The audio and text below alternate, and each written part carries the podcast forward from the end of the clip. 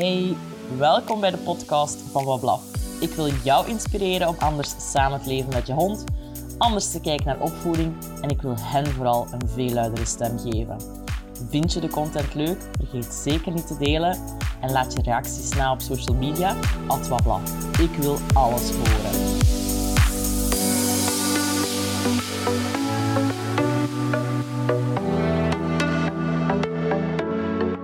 Hey, welkom bij Bewuste Hondenmoeders. Ik praat vandaag met Nienke en Isabel. Zij hebben allebei een hondje uit een asiel geadopteerd in het buitenland en hebben alle twee met hun hond uitvalgedrag ervaren. En ik wil graag die verhalen met jullie delen vandaag. Nienke, Isabel, super welkom in de podcast.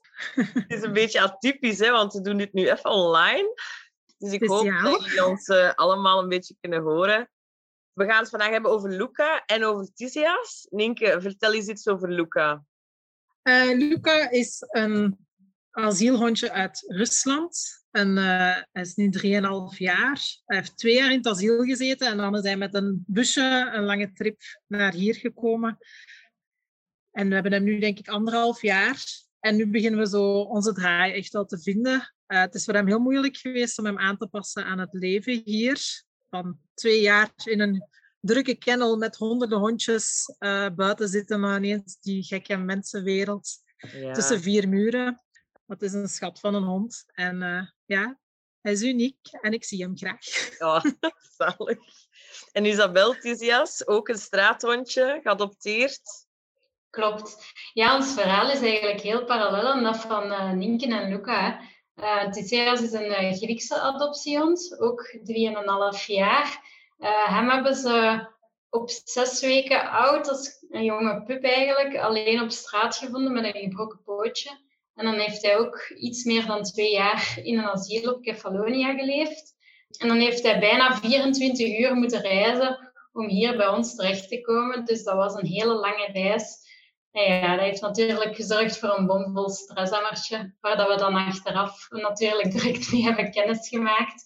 En hebben we vrij snel heel veel management moeten inzetten. Maar ondertussen hebben we eigenlijk al een hele weg afgelegd en is het eigenlijk best wel een hele vrolijke, lieve kwispel. Ja, ik weet niet of jullie het weten, maar mijn, uh, mijn, twee, mijn eerste twee honden, uh, Lefto en Diesel, zijn twee uh, Griekse straathonden. Ze zijn nu jammer genoeg al twee overleden, maar zijn alle twee, ja, Lefto is 14 geworden. Diesel is 11 jaar geworden dit jaar, of net geen 11 jaar geworden. De stratiers, of we moeten het zeggen, hè, de, de bastaardhonden zitten heel diep in mijn hart. Ik heb er ook heel veel uh, onderzoek naar gedaan doorheen de jaren van oké, hoe leef je samen met straathonden? Hoe ga je om met adoptiehonden? Dus uh, ja, jullie verhaal is, is des te interessant voor mij. Een van de belangrijkste dingen die ik vooral tegenkom, ik weet niet hoe dat, dat bij jullie geweest is of, of welke raad dat jullie daarin gehad hebben, maar wat ik vooral ondervonden heb doorheen de jaren is adoptiehonden en zeker honden en straathonden uit het buitenland, die leven of die groeien op in, in zo'n andere omgeving.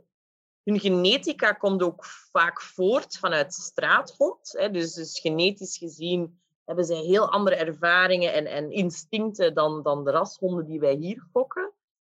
En dat maakt dat ja, mensen, denk ik, niet, niet stilstaan bij het feit dat die honden echt tijd nodig hebben om zich aan te passen aan deze maatschappij.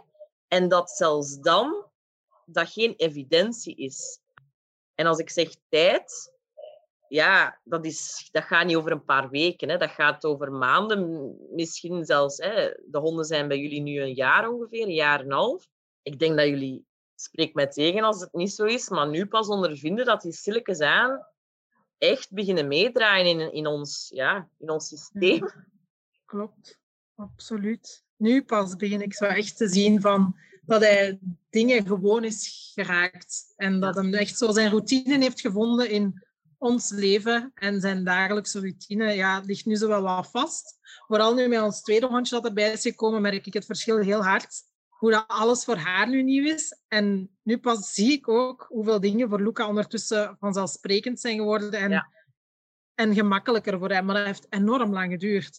En ik vind zelfs nog, ja, 100% aanpassen aan hoe dat wij leven gaat, gaat nooit lukken wat ik wel kan doen, is ervoor zorgen dat ik het hem gemakkelijker maak om zijn draai te vinden. Maar er zijn aspecten die voor Luca nooit heel goed gaan gaan of heel vlot gaan gaan. En ik vind dat oké. Maar het is zoals je zegt, van, je merkt vanuit de maatschappij dat dat wordt vergeten. Dat die hondjes zich moeten aanpassen aan een heel ander leven. En ik merk ook wel dat er soms, dat kan mijn hart echt breken, dat ik zo zie hoe dat mensen precies niet begrijpen dat dat voor Luca gewoon geen evidentie is. En dan, dan heb ik zo het gevoel dat dat beestje gewoon niet begrepen wordt. En ik vind dat zo erg dan, omdat hij wel zo hard zijn best doet. En ik vind dat erg dat hij zo hard zijn best moet doen. Hè. Ja, ik vind dat wel... Dat valt heel hard op. Dat is wel wat je nu zegt, ja. Moeten we Mm. dan bewuster gaan kijken naar adoptie, Isabel? Is dat iets waar dat we meer over moeten nadenken op voorhand? Van ja, we nemen toch wel echt een dier uit een compleet andere omgeving ehm, weg. Naar verwachtingen toe dan, hè? bedoel ik? Ja, absoluut. Ik vind dat mensen zich daar veel meer bewust van moeten zijn. En zeker bewust zijn van het feit dat ze hun verwachtingen misschien volledig aan de kant moeten schuiven. Want adoptiehonden, het is de ene hond tegen de andere. Het zijn allemaal individuen met hun eigen karakter. Dus je kunt daar niet algemeen een uitspraak over doen. Maar in ons geval met die Theas, die kan heel goed functioneren in zijn beperkte veilige setting. We gaan die setting misschien nog een beetje proberen verruimen, maar we weten niet hoe ruim dat we die kunnen maken. Dus er gaan altijd aspecten zijn waar dat hij niet mee om kan. Bepaalde dingen waar dat hij niet, ja, niet mee kan kopen. Dus je moet je daar heel bewust van zijn dat je niet zomaar alles met je buitenlandse adoptiehond kunt doen. Is dat iets wat je zelf ook verwacht had of niet verwacht had, eh, Isabel? Uh, in eerste instantie had ik dat misschien niet verwacht. Ik had daar ook zo niet bij stilgestaan, maar ik ben wel heel snel geschakeld. Um, en nu op zich, ik kan dat wel zeggen, wij hebben een manier gevonden waarop dat het samenleven echt voor ons allemaal werkt. En moesten wij nu nog vooruitgang boeken, dan is dat mooi meegenomen. Moest hij blijven zoals hij nu is, dan heb ik daar ook vrede mee. En dan hebben wij onze draai daar wel in gevonden en we hebben ons aangepast op een manier waarop dat voor ons beiden werkt. Natuurlijk, we zullen zien welke vooruitgang dat we nog kunnen maken in de komende jaren, maar ik ga daar zeker ook geen, geen termijn op plakken.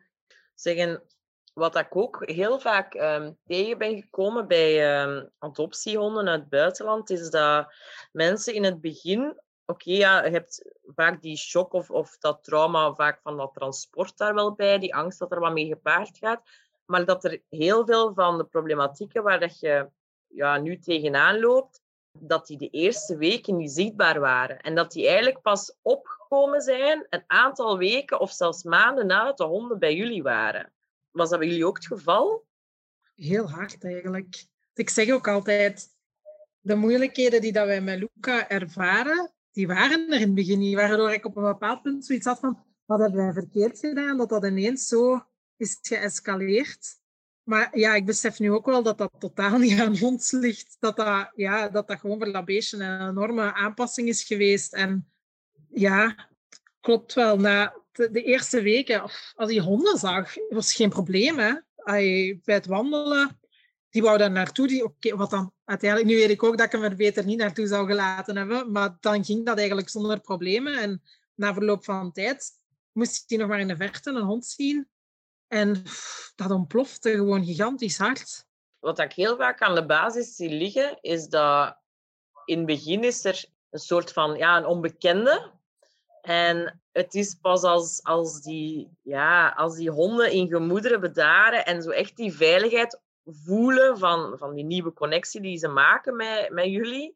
Ook ja, leren van oké, dit is mijn nieuw territorium, dit is mijn nieuwe groep waar ik samen mee, mee ja, optrek als dat veiligheidsgevoel begint te landen, dan komen de echte angsten naar boven. En dan komen de echte, ja, de persoonlijkheid naar boven, die misschien in het begin ja, een beetje onderdrukt wordt, omdat je kent elkaar niet. Hè? Je zei u, als je in een nieuwe groep terechtkomt, dan ga je ook niet helemaal jezelf al blootgeven. Je gaat even afwachten van wie is dat hier allemaal, wat kan ik zeggen, wat kan ik niet doen, wat kan ik wel doen. En bij honden is dat vaak ook zo. Ze komen ergens nieuw terecht en die blijven even onder de radar. En van zodra dat ze dat veiligheidsgevoel wat krijgen, dan begint dat stilletjes aan duidelijk te worden. Zo, oké, hier kan ik mezelf zijn. Ik zit ook wel met wat angsten en met wat frustraties, maar bij jou kan ik het laten zien. Bij jou voel ik me veilig genoeg. En dan lijkt dat voor adoptieouders zo van, wow, wat, is hier, wat heb ik hier verkeerd gedaan op die paar weken tijd? Ja, klopt. Maar bij ons was het eigenlijk wel de, de eerste twee dagen of zo dat hij misschien zo'n beetje overspoeld was en zo in zijn schulp getrokken. Maar hij is eigenlijk vrij snel allez, ons beginnen vertrouwen. Dus dat voordeel hebben we wel gehad, dat hij wel heel snel vertrouwen in ons heeft gelegd. En dat wij heel snel zijn kunnen werken aan die vertrouwensband. Uh, maar dat maakt ook dat hij heel snel dat uit, uitvalgedrag eigenlijk heeft laten zien. Dus dat was eigenlijk al de, de eerste week um, dat hij uitviel buiten en dan in huis naar bezoek. Hoe zegt uitvalgedrag naar, naar andere honden, naar bezoek. Hoe manifesteert zich dat bij jullie? Hoe manifesteert zich dat bij Betisia's? Dat is dan vooral uh, grommen, blaffen. In eerste instantie uh, de afstand verkleinen, in de zin van een beetje dreigen, om te zeggen van ho, hou afstand. Maar uiteindelijk gaat hij altijd wel zelf terug afstand nemen. Maar het is, bij bezoek was hij, zou blijven blaffen totdat het bezoek terug effectief de deur uit was. Ja, dus hij vond echt geen veiligheidsgevoel in zo'n situaties. Nee, inderdaad. Oké, en bij jou, Nienke? Ja, eigenlijk heel, nog wel heel veel hetzelfde. Inderdaad, ook dat blaffen, um, de afstand verkleinen. Verschil is alleen als je er dan niet op de juiste manier op reageert, zal hij niet terug afstand nemen. Hij gaat alleen maar dichter en dichter en het escaleert alleen maar meer. Ik denk als er met Luca dan niet op de juiste manier zou worden ingegrepen, dat het wel eens naar hapgedrag zou kunnen overgaan. Wat heeft hij op zo'n moment nodig, denk je, qua reactie? Dat ik hem weghaal uit die situatie. Ja, ja dat merk ik. Eh, we hebben bijvoorbeeld ook, dat is niet alleen naar bezoek toe, maar ook andere honden de tuin van mijn ouders, die zijn pas verhuisd. Dat is een hele grote tuin met bij de buren ook hondjes die heel veel blaffen. En dan staat hij aan de struiken zo, hij, hij verliest het helemaal, niet meer op deze planeet. En als ik hem dan aanlijn, dan heeft hij zoiets van, ah ja, oké, je gaat me helpen hier weg te nemen. En dan krijg ik hem ook veel gemakkelijker mee. En dat heeft hij op die moment echt nodig. En dan betert het ook echt wel. Ja. ja. Wat heeft voor jullie het grote verschil gemaakt? Want je hebt nu alle twee een jaar en een half een, een hondje uit het buitenland bij jullie. Je zei alle twee een zoektocht gestart naar hoe kunnen we met dat uitvalgedrag dat zich begon te stellen, hoe kunnen we daar het beste mee omgaan? Wat heeft voor jou het grootste verschil gemaakt, Isabel? Of wat was voor jou de grootste draai van oké, dit, is, dit is iets wat voor ons werkt en waar we mee aan de slag kunnen gaan? Ja, sowieso in eerste instantie um, de management dat je inzet en terug de rust brengen. Dus eigenlijk gewoon je tijd terugtrekken in uw veilige, besloten omgeving van uw thuis. Um, zeker niet te veel bezoek ontvangen, om niet te zeggen geen bezoek ontvangen. Um, wandelingen op een laag pitje zetten. Heel goed, dus managen, managen het aantal prikkels per dag. Dat je zeker zo als er al enorm veel prikkels geweest zijn, dat je rust inplant, zodat het stressemmertje terug kan ja, wel leger raken. Maar vooral ook, vond ik, focussen op al hetgeen dat goed gaat eigenlijk. En niet zozeer focussen op, oké, dit kunnen we nog niet en dit is moeilijk en dat is heel prikkelgevoelig. Maar eigenlijk vooral kijken doorheen de dag van, oké, kijk, ik ben een, een, webinar aan het volgen of ik heb een Zoom-meeting en hij ligt braaf te rusten in zijn mand. Zo van die kleine dingen. Ehm, in de tuin ook uh, inzetten, daar ook op, op, op rust eigenlijk, ontspanning, uh, snuffelspelletjes spelen.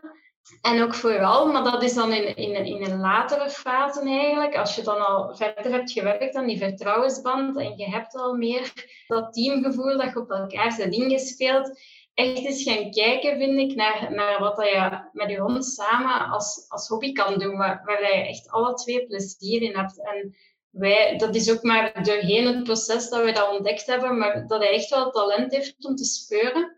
Ja. Dus wij volgen nu ook individuele speurlessen, maar wij spelen gewoon ook zelf hier in huis en in de tuin uh, doorheen een dag heel veel speurspelletjes. En daar ziet je hem echt van, van opleven. Je ziet ook dat, dat zijn zelfvertrouwen daardoor groeit. En dat is ook gewoon heel fijn om samen te doen. Dus je hebt dan echt zo dat gevoel dat je als team bezig bent. En dat zijn de dingen die dat het draaglijk maken, om het zo te zeggen. Dat je dan niet meer focust op alles wat je niet kan doen met je hond. Maar vooral gaat beginnen focussen op, oké, wat zijn de leuke dingen die dat we wel samen kunnen doen. Ja, fijn. En hoe was dat voor u, Nienke? Wat, wat was voor jou echt een keerpunt van, oké, zo gaan we verder? Het heeft bij ons vooral een verschil gemaakt dat ik zelf gewoon een manier heb gevonden waarop ik zoiets heb van, dit werkt voor ons. En dat is dan ook zo gaan, ja, je begint het dan ook te merken bij Luca dat het, dat het werkt, dat ik hem begrijp en dat ik zelf gewoon een hele andere mindset heb gekregen. We hebben Luca geadopteerd met het idee, oh ja, fijne hond. Zoals de meeste mensen. Ik was ook de honden van mijn ouders altijd gewoon, maar dat waren echt typische huishondjes, nooit moeilijkheden mee ervaren. Dus ik had helemaal geen idee van wat mij te wachten stond. Ik had er geen besef van. En dan is Luca er gekomen en ik heb mij heel vaak zo wat verloren gevoeld van ik weet niet hoe ik dit moet doen. En dat heeft verschillende mensen kost, verschillende manieren om ermee om te gaan. En dan uiteindelijk heb, heb ik toch iets gevonden waarbij ik me echt heel goed voel. En nu klopt het allemaal en nu klopt het hier in huis ook. En het klopt tussen mij en Luca. En dat heeft voor ons een enorm verschil gemaakt. Gewoon mijn eigen, mijn eigen koppeke dat een hele aanpassing heeft ondergaan. Ja, ja want je zei je eigen ook wel beter leren kennen, hè? zei dat daar juist tegen mij. Van, uh, ja, dat. Luca echt wel uh, op dat gebied een impact heeft gehad. Enorm. Heel hard, ja. Ik ben dingen bij mezelf gaan ontdekken die, die ik niet wist die in mij zaten. um, ja, dat is echt zo. De interesses die naar boven zijn gekomen. En, en ja, de manier waarop ik nu met Luca omga, past ook gewoon zo goed bij mijn eigen persoonlijkheid. En dat zo de persoonlijk... Ik kende mezelf op die manier nog niet. Het zat er wel in, besef ik nu. Maar ik kende mezelf absoluut nog, die op, op, nog niet op die manier. Wat zijn die dingen dan, denk je? Dat je zegt van, dat past echt bij mijn persoonlijkheid. Wat, wat zijn die dingen dan? Zo, ja, hoe moet ik het... Goh, bijvoorbeeld... Ja, ik ben iemand die niet graag confrontatie aangaat of die niet graag drama heeft. En, en ik heb zoiets van, laat het allemaal gebeuren normaal gezien. Maar met Luca lukte dat zo niet. Omdat ik zoiets had van, ja, dit moet aangepakt worden. Dit, moet, dit kan zo niet. En dat zat wel in mij, maar dat kwam er zo niet uit. En door dan heel die weg af te leggen, is dat zo precies kunnen naar buiten komen. En dat ik bij Luca ook een manier heb gevonden van laat het gewoon los, word rustig. Het, het is wat het is, we komen er wel. En nu hebben wij zo precies... Oké, het is soms nog moeilijk. Hè? Ik heb nog dagen dat ik moet wenen, omdat het gewoon echt... Het is niet altijd evident. Maar we hebben zo'n relaxte sfeer gekregen en, en zo'n relaxte band.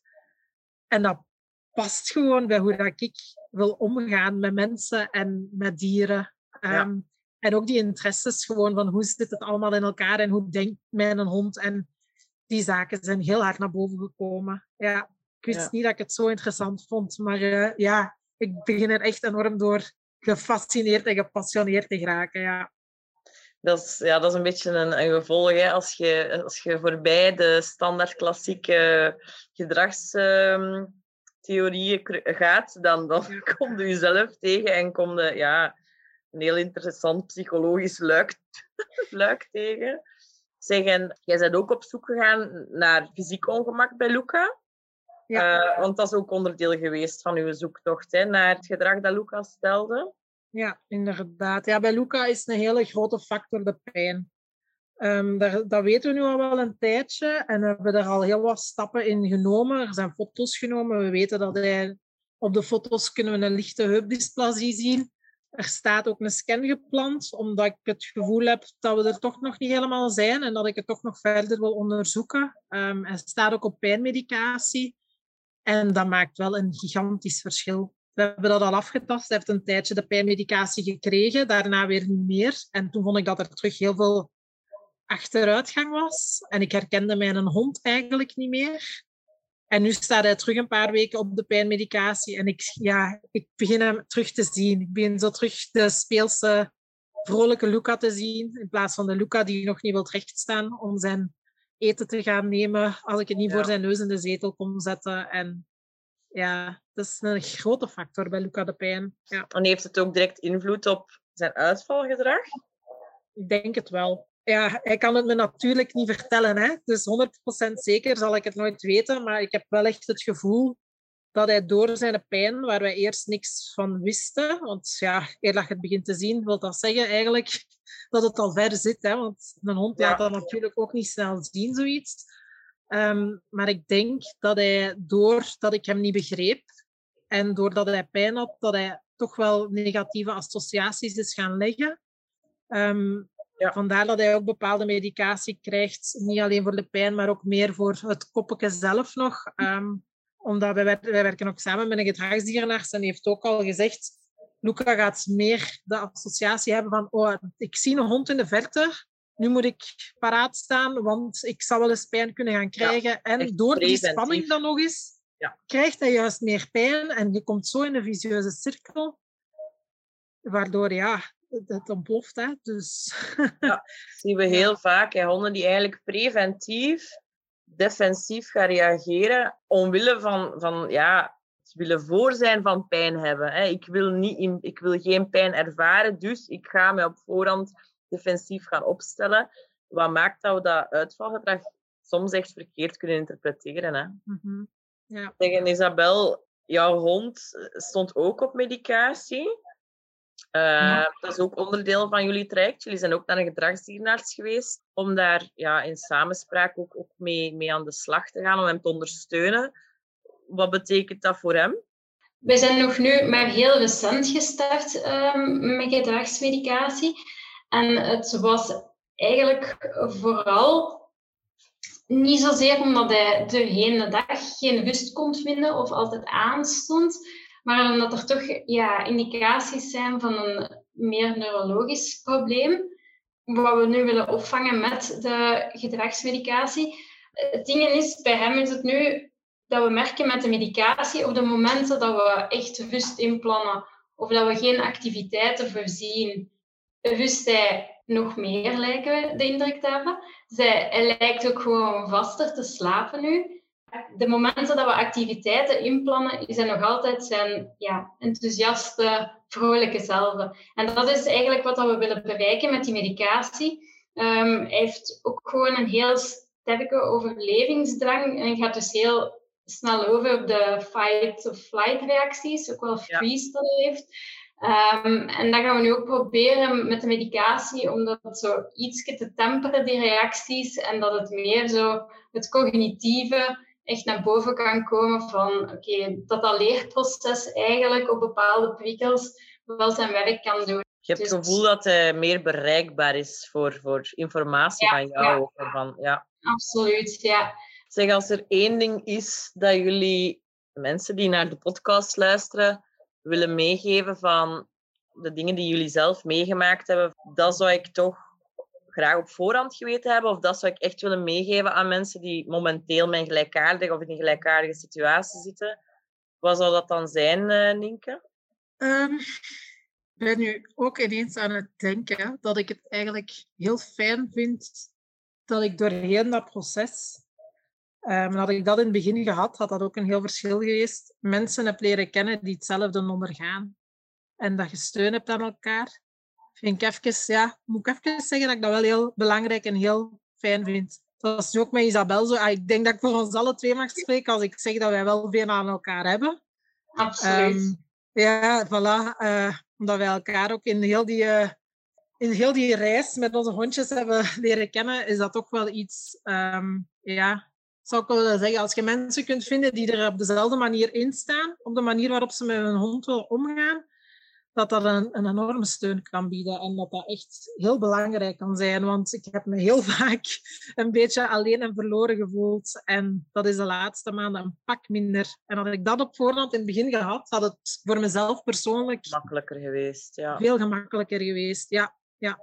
Is dat voor u ook zo, Isabel? Of heb je nog andere dingen? Zeker. Uh, ik heb heel veel steun ervaren in de groep hè, waar dat we samen hebben ingezeten. Vond het ook fijn en dat zou ik ook uh, willen zeggen tegen mensen als ze erover twijfelen. Aarzel niet om, om toch te investeren in ja, een goede cursus, goede begeleiding bij een welzijnsgewichten hondengedragstherapeut, want dat kan echt het verschil maken. En op die manier kun je ook echt terechtkomen in een groep met gelijkgezinden, waar je echt wel steun aan hebt. Wat ik ook heel belangrijk vind, is, dat heb ik nu zelf ondervonden, um, dat je ook niet moet bang zijn of, of niet weigerachtig moet zijn om jezelf en je perceptie van de dingen in vraag te stellen, kritisch in vraag te durven stellen. En dat is zoiets, is menselijk. Hè? Mensen willen dat ontwijken, want dat is niet fijn. Maar daardoor je, kun je veel gerichter kijken naar bijvoorbeeld het gedrag dat je hond stelt en kun je veel beter observeren en hen op die manier ook helpen. Probeer toch niet zo krampachtig vast te houden aan van die ouderwetse soms ideeën, Um, en probeer echt gewoon te kijken naar, naar het gedrag dat je hond stelt en, en welke noden dat je hond heeft. En ook al is dat dat je je eigen ego dan soms opzij moet zetten en tot het besef komt van oké, zoals ik het altijd heb gedaan, was misschien niet de juiste manier. Maar dat helpt u en uw band met uw hond zoveel vooruit. Dus dat vind ik ook wel een heel belangrijke om mee te geven. Vind ik een super mooie. Echt, merci Isabel. Dames, ik wil jullie super hard bedanken om jullie verhalen te delen met mij, met de luisteraars van de podcast. Ik wil jullie nog super veel succes wensen met die twee prachtige honden van jullie. Heel fijn. Dankjewel. Dankjewel. Hallo. Doei. Nee.